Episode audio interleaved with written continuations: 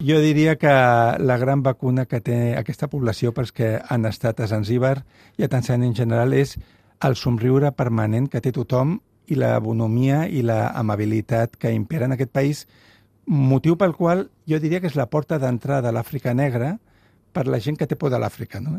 És fàcil fondre's amb la població, és un país molt segur, és un país molt amable, no et molesten quan vas pel carrer o en un mercat, i per tant és una entrada suau al que seria Àfrica, a més amb aquesta triple història que la vas veient pels carrers, que és molt interessant. És cert que, en general, doncs és una, una població, una illa, una ciutat... Estan acostumats, jo crec, a acollir gent de fora, ja per la seva pròpia història, no?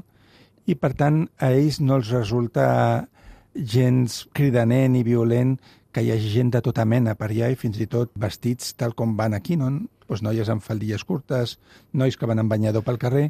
És, per un cantó, una societat molt oberta, però per un altre, per exemple, no n'estan gens orgullosos de Freddie Mercury, no veuràs una estàtua en lloc dedicada a ell, ni veuràs tampoc cap cartell ni cap cosa commemorativa, si n'hi ha és en algun bar regentat per un estranger, perquè ells no els agrada que aquest personatge el representi tot i que a la casa on vivia Freddie Mercury, que en realitat era de la família Bolsara, es deia Farok Bolsara, ara hi ha un petit museu. Calla!